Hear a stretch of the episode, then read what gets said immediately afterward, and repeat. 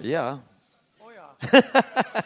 Dus eh, ik verwacht vandaag eh, vuurwerk. Nou, Dus maar gezegend, broer. vuurwerk.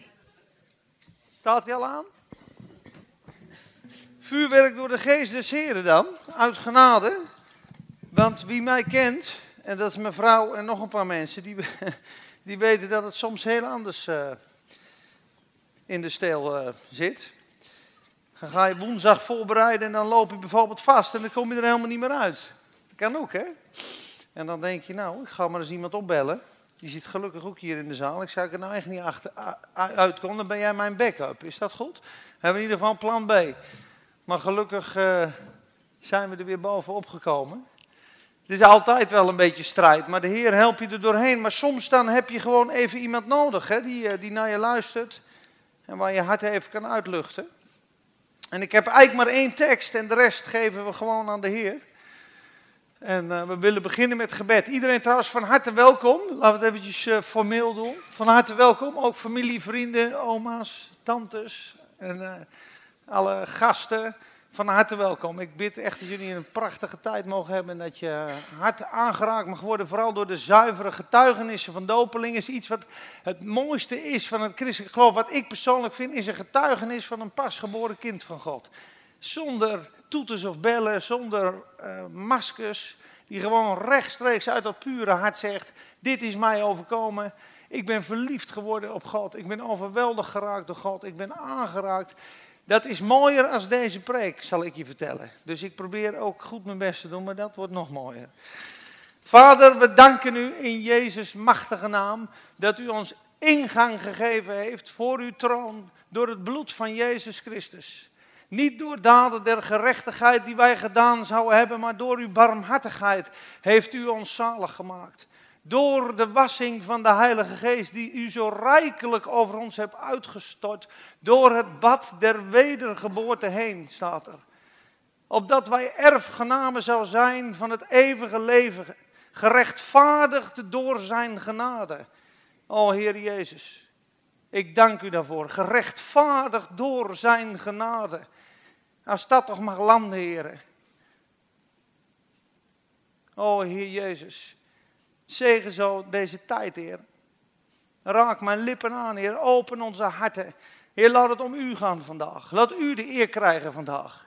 U bent immers afgedaald en gestorven, Heer. Niet wij, Heer. Bent u dan in Paulus' naam gedoopt, zegt Paulus, of is Paulus voor u gekruisigd? Wie is Paulus en wie is Apollos? Dan mensen die u verkondigd hebben over God, maar hij geeft de wasdom. Alle eer komt toe, aan u, Heer Jezus. En dat zeggen wij ook vanmorgen. U bent de koning. U bent de Almachtige. U hebt het graf overwonnen. En u regeert voor eeuwig. En door u hebben we een adem in onze mond, Heer. En door u hebben we kracht om te werken. En door u zijn alle dingen. En voor u zijn alle dingen. En tot u zijn alle dingen. En u bent koning en u bent machtig, Heer, en daar danken we u voor. Zegenen ieder die hier is. We prijzen uw grote naam. En zegen de getuigenissen. Amen. 2 Timotheus 1, vers 9 en 10. 2 Timotheus 1, vers 9 en 10. Als je nadenkt over zo'n boodschap als vandaag, dan zeg je gewoon, ja, wat is nou het evangelie? Waar denk je nou aan bij het evangelie? Als je nou hier zit, of je gaat vandaag getuigen en je, en je, en je loopt over straat. Ik zat van de week nog op de markt ook. Ik denk, wat is nou het evangelie? Wat is nou het evangelie? Wat is nou die blijde boodschap? Wat denk jij aan bij het evangelie? Het evangelie dat de dood vernietigt, dat een totaal nieuw leven brengt. Dat eeuwig leven introduceert, dat een nieuwe toekomst, de macht van Satan gebroken, de macht van de zonde gebroken, de macht van de wet die ons gebonden hield. Ja, dat zeg ik goed, ja. De macht van de wet heeft Jezus over ons gebroken, om die in ons te vervullen. De blijdschap, het afdalen van de koning, de koningen. Ooit was ik in gebed, toen mocht ik het zien, hè.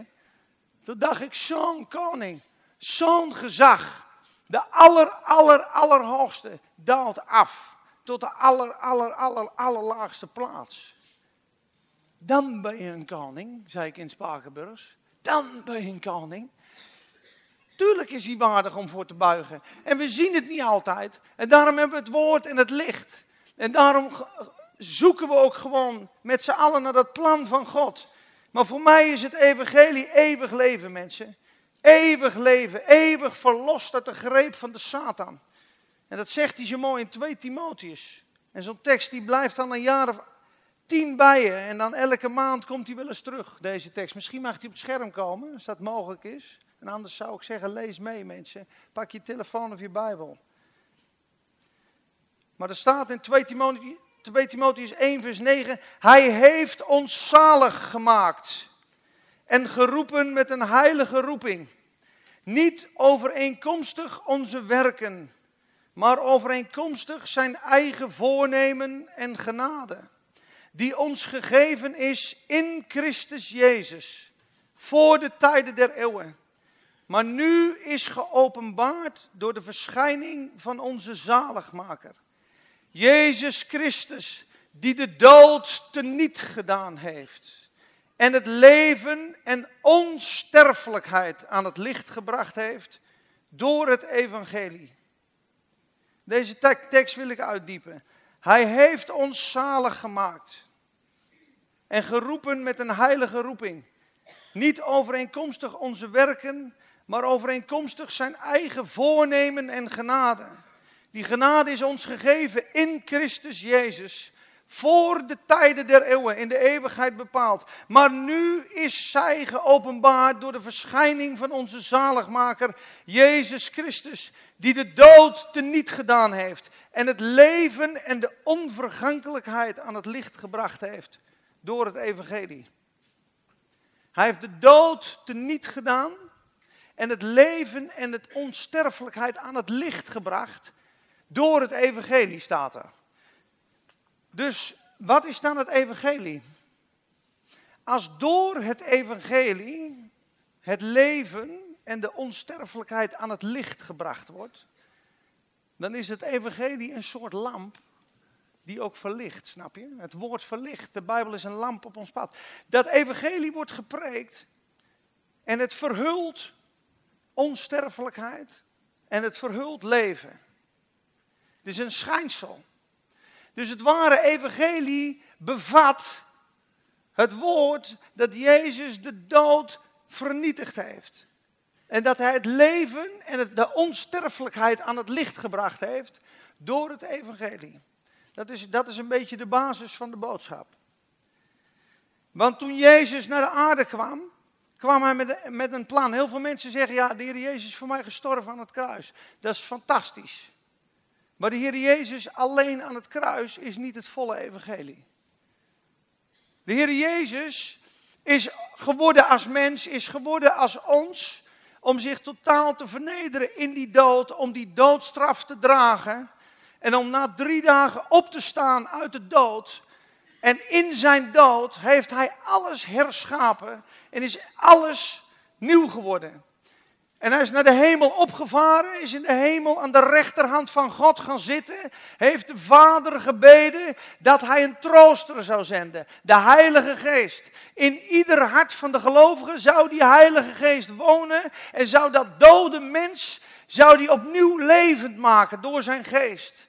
En op het moment dat zo'n mens met Jezus hand in hand de dood ingaat, dat graf ingaat, dat kruis aangaat en eigenlijk zegt, Heer Jezus, u hebt daar gehangen, maar ik had daar moeten hangen. Mijn zonde, mijn daden, mijn haat, mijn hoogmoed moest daar aan het kruis bestraft worden. En Jezus heeft zich vereenzelvigd met onze dood, met onze schuld, met onze zwakte, met onze schaamte. Hij heeft gezegd, alle daden die jij gedaan hebt, neem ik maar op mij. Verklaar mij maar schuldig. Net als die jongen die toen in de concentratiekamp in de rij stond. Die zei voor een ander, ik, ik heb gestolen. En die werd doodgeslagen door, door Duitse soldaten. En degene naast hem is tot geloof gekomen, is een prediker geworden. Maar die moest het zijn. Zo'n plaatsvervanger die zichzelf helemaal weggecijferd heeft. De Jezus Christus. Alles had hij. De glorie die ik had, Vader, toen ik nog bij u was, heb ik afgelegd. En ik heb mijn, uw naam bekendgemaakt. Opdat de glorie die ik had, ook hun deelgevallig zal zijn. Dat ze mogen worden zoals ik. We zullen zijn zoals hij is, zegt de Bijbel. Straks zullen we Jezus zien zoals Hij is en zullen we zijn zoals Hij is. Maar Hij moest eerst worden zoals wij waren. Om ons te maken tot wij zullen zijn zoals Hij is. Dus er is een transformatie en een afleggen van zichzelf. En dat doet hij met een lijdensweg, met bespuwing. En hij komt helemaal in de dood. En op het moment dat een christen of een ongelovige zegt: Dit had mijn plaats moeten wezen. Dat had ik moeten hangen. Dat had rechtvaardig geweest. Dan zegt de Heer Jezus, ik heb daar voor jou gehangen. Ga je samen met mij in de dood. Misschien vind je het wel heel angstig. Misschien vind je het wel verschrikkelijk angstig om, om, om richting dat graf te wandelen. Wat, wat, wat, wat betekent dat dan? Ja, dat betekent een beëindiging van je leven. Dat is sterven. Ja, maar uh, dat, dat, dat begin ik niet aan. Daar begin ik niet aan. Maar als je niet kiest voor Jezus, ben je al gestorven. Ben je al veroordeeld, zegt de Bijbel. De hele schepping ligt in het boze. De hele wereld ligt in het duister. Laat u behouden uit dit verkeerde geslacht, zegt Petrus. Je zit op een tak die afgeslagen is. Als je dat mag beseffen, beseffen je hopeloosheid, je godverlatenheid, waar Jezus in was. Daar is een mens op het moment dat je niet verbonden bent met de Heer Jezus. En het licht gaat uit en de, en de, en de adem stopt. En je bent in de godverlatenheid. Ben je, op de, ben je op een verschrikkelijke plaats. En heel veel mensen leven in de godverlatenheid. Dank je. Ben ik zo aan het smakken? Halleluja. Heel veel mensen leven in de godverlatenheid zonder dat ze het weten. En Satan houdt ze daar. Feestje, vrolijkheid, geloof in jezelf. Het is hoop, joh. Maar ze weten niet dat ze hopeloos zijn. Sommigen zijn hopeloos verloren, terwijl ze het zich vermaken en het prima vinden. Dus het, dat evangelie is ook een schijnsel wat je doet onderkennen en ontdekken aan je zonde.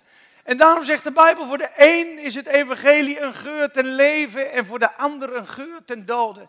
De een zal zeggen, wat fijn, net als die jongen in dat park. Een paar van die opgeschoten jongens, ja ik moet voorkomen. Aan het evangeliseren waar ik zei, zullen bidden? Midden in dat park in Nijkerk. Ja, dat is goed man, respect man, bedankt dat je gekomen bent man. En gewoon met tien man bidden in zo'n park. Ik denk nou, misschien lachen ze me wel uit. Ze vonden het geweldig dat ik gekomen was. Maar er zijn ook plekken daar hoef je de naam van Jezus of God maar te noemen. Hou op joh, hou op joh. Niks van mee te maken hebben. Die mensen heb je ook. Maar totdat een mens zegt, Heere Jezus, ik ga met u in het graf, ik ga met u in de dood, komt er nooit nieuw leven. Jezus bracht de zonde in de dood. Jezus is gekruisigd en gestorven en hij is veroordeeld met onze zonde. Alle zonde en de doodstraf zijn op hem gekomen. Toen bracht hij ze in de dood. Satan dacht, ik heb gewonnen. Hij is nu, we hebben hem, de erfgenaam, zegt de evangelie. Totdat dat graf begon te beven na drie dagen. En Jezus opstond. En wij met hem, zegt de Bijbel. En dan komt die herschepping van de nieuwe mens. Alle zonden blijven in het graf. En je wordt herschapen in Christus. één geest met hem. Zijn goedheid wordt jouw goedheid. Jouw slechtheid werd zijn slechtheid. De slechtheid blijft in het graf. En je wordt opgewekt tot nieuwheid des levens. Totaal nieuw. Alles is nu nieuw geworden. 2 Korinthe 5, 17. En al deze dingen zijn uit God. Dat is een andere tekst hoor, trouwens. dat is ook wel een mooie trouwens hoor. Dat is 2 Korinthe 5, vers, vers 18 en 19. Dat staat ervoor, sorry. En al deze dingen zijn uit God, die ons met zichzelf verzoend heeft. Maar vers 17 zegt, indien dan nu iemand in Christus is, die is een nieuwe schepping.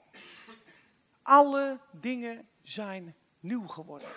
Het oude is voorbij gegaan en zie, alles is nieuw geworden. Dus iemand die met Jezus in de dood gegaan is, is opgestaan tot onvergankelijk eeuwig leven. En Jezus komt met zo'n persoon bij zijn vader in nieuwheid des levens en geeft hem een plaats aan de tafel in het koninkrijk.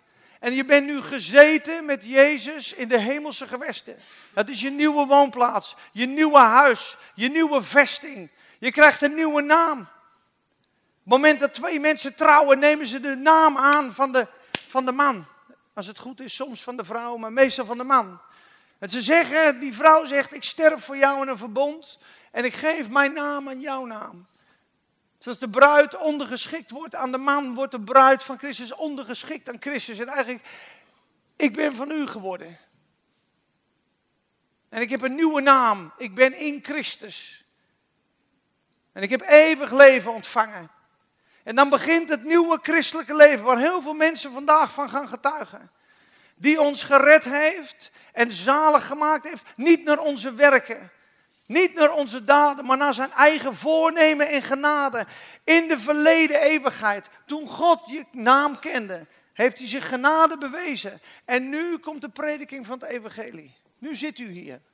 Misschien zijn hier mensen die nog niet opnieuw geboren zijn. Maar ben je door God al lang uitgekozen en zit je hier met een bedoeling. Dan komt vandaag die boodschap. En ik hoop een schijnend licht te mogen zijn voor je dat Jezus Christus aan het kruis al jouw zonden verpulverd heeft. En dat Hij opgestaan is en dat de onvergankelijkheid, het eeuwige leven voor jou klaar ligt. En dat schijnsel van het evangelie maakt dat helder. Die zegt eigenlijk, hé, hey, Hij heeft jou zalig gemaakt. Niet naar jouw werken, maar naar zijn eigen voornemen en genade. Dat is jou al gegeven in Christus Jezus. Maar het is nu openbaar geworden door de verschijning van Jezus Christus. Die de dood vernietigd heeft en het leven en de onvergankelijkheid aan het licht gebracht heeft. Jezus heeft die dood vernietigd. En weet je wat Hebreeën daarvan zegt? Schitterende tekst. Daarom is er ook geen hoop meer, mensen, voor een voor een, oude, voor een schepping en een oud mens. We moeten allemaal opnieuw geboren worden, zegt Johannes. Totaal nieuw. Een christelijke saus gaat het niet doen. Ja, maar ik ben een goed mens. Ja. Dus Jezus is voor jou te vergeefs gekruisigd dan? Ja, voor mij hoefde die niet gekruisigd te worden, want ja, ik, eh, ik, ik ben niet zo slecht hoor. Iemand zei een keer in de kroeg, ja, die tien geboden, ja, dat vind ik gewoon hele mooie regels. Ja, daar hou ik mijn hele leven al aan. Ja, ik snap niet wat er met mij aan de hand is. Niks mis. Ja, voor jou moet hij misschien gekruisigd worden, maar voor mij, nou, die regels die hou ik altijd. Het mooie regels hoor. Ja. Maar geen één van ons heeft de wet volbracht dan Jezus. En we staan allemaal schuldig voor God. En weet je wat Hebreeën zegt? Wat Jezus gedaan heeft? En ik begin in vers 9 en ik lees tot vers 15. Dit is ook de kern van het evangelie, jongens. Maar wij zien Jezus met heerlijkheid en eer gekroond, was hij. Hè? Die voor een korte tijd minder dan de engelen geworden was. Vanwege het lijden van de dood. Opdat hij door de genade van God voor een ieder de dood zou proeven. Hij is voor jou naar het graf gegaan. Je kan niet die dood proeven. De Heer Jezus is voor jou gestorven. En zegt hij, want het paste hem. Het paste hem. Om wie alle dingen zijn. En door wie alle dingen zijn. Dat hij om veel kinderen, veel kinderen tot heerlijkheid te brengen. Daar waar ik ben de leidsman van hun zaligheid door lijden heen zou heiligen. Immers, zowel hij die heiligt, dat is God, en zij die geheiligd worden, dat zijn wij, zijn allen uiteen. Daarom schaamt Jezus zich er niet voor uw broeders te noemen. Want hij zegt, ik zal uw naam, o Heere God, aan mijn broeders verkondigen. Te midden van de gemeente zal ik uw lof zingen. Dat was het getuigenis van Jezus. Ik zal mijn vertrouwen op hem stellen. En vervolgens zegt hij, zie ik en de kinderen die God mij gegeven heeft. Een kind is een geschenk van God. En wij zijn het geschenk van God aan Christus. En Christus heeft zoveel liefde voor jou en mij. Dat het hem waard was om te sterven en te betalen met zijn eigen bloed. Dat ben jij mij waard. Dat is jouw prijskaart voor mij. Mijn leven leg ik af van de hoogste vorm tot de laagste pijl van de hel om jou te winnen. Dat ik het geschenk van God zou krijgen en dat ben jij. En dan zegt hij, omdat nu die kinderen van vlees en bloed zijn, omdat wij een zondige natuur hebben en dat er voor ons geen hoop is. Weet je wat hij zegt? Is hij eveneens deel gehad aan die menselijke zwakke natuur. En is hij mens geworden om door de dood heen, hem die de macht over de dood had, dat is de duivel, te niet te doen. Te niet te doen. Door de dood heeft hij Satan te niet gedaan. Weet je wat, waarom? Omdat hij allen die door angst voor de dood hun hele leven in slavernij verkeerden, verlossen zou. De angst voor de dood houdt je in slavernij. En Jezus heeft de dood gedood, staat er in dit stuk. En daar getuigen ze van. En daarom is dit een graf. En daarom sterven ze. Omdat deze mensen zeggen: Ik ben dood, maar ik leef voor eeuwig met Hem. Amen.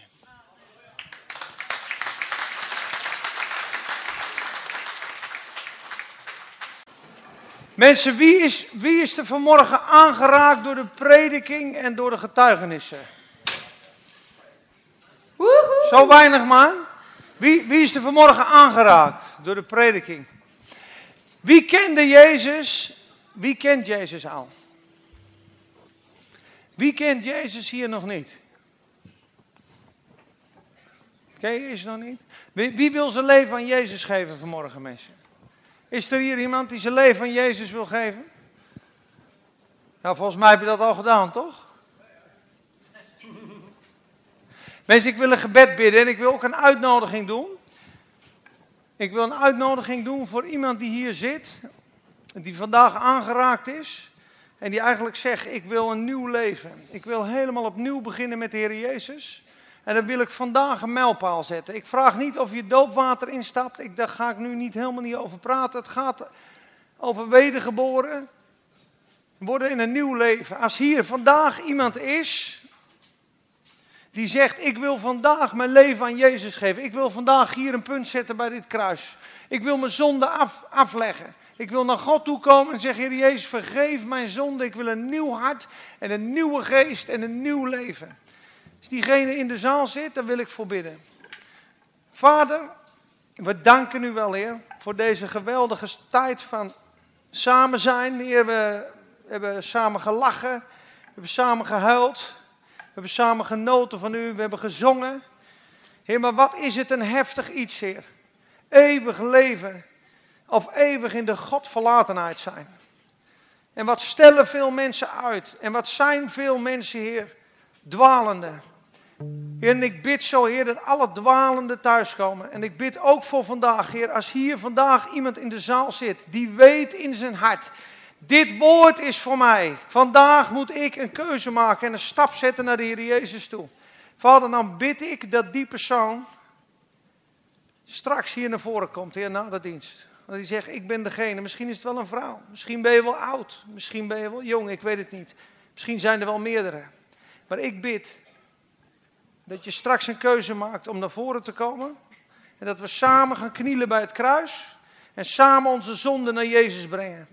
Jan van Boeien werd door iemand gevraagd in Zweden om een berg op te klimmen. Net als Abraham. En toen vroeg iemand, Jan, wat wil je bovenaan die berg offeren? Want Abraham moest Isaac offeren, zijn vreugde. Hetgene wat hij het liefst had om God. Voor God, uit liefde. Wat wil jij offeren bovenop die berg? Waar zit je aan vast? En bovenop die berg maakte Jan een hele zware, moeilijke keuze. Een gigantische moeilijke keuze. Want Jan kwam als overwinnaar een nieuw mens van die berg af. En dat bid ik ook voor jou.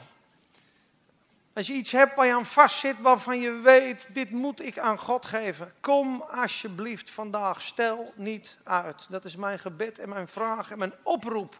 Alsof God het aan je vraagt. Vader, wij bidden dat in Jezus' naam. En wij danken u wel voor deze geweldige tijd. En voor het getuigenis wat gegeven is. En we bidden dat het vrucht zal dragen tot in heinde en verre streken, Heer. In Jezus' machtige naam. Amen.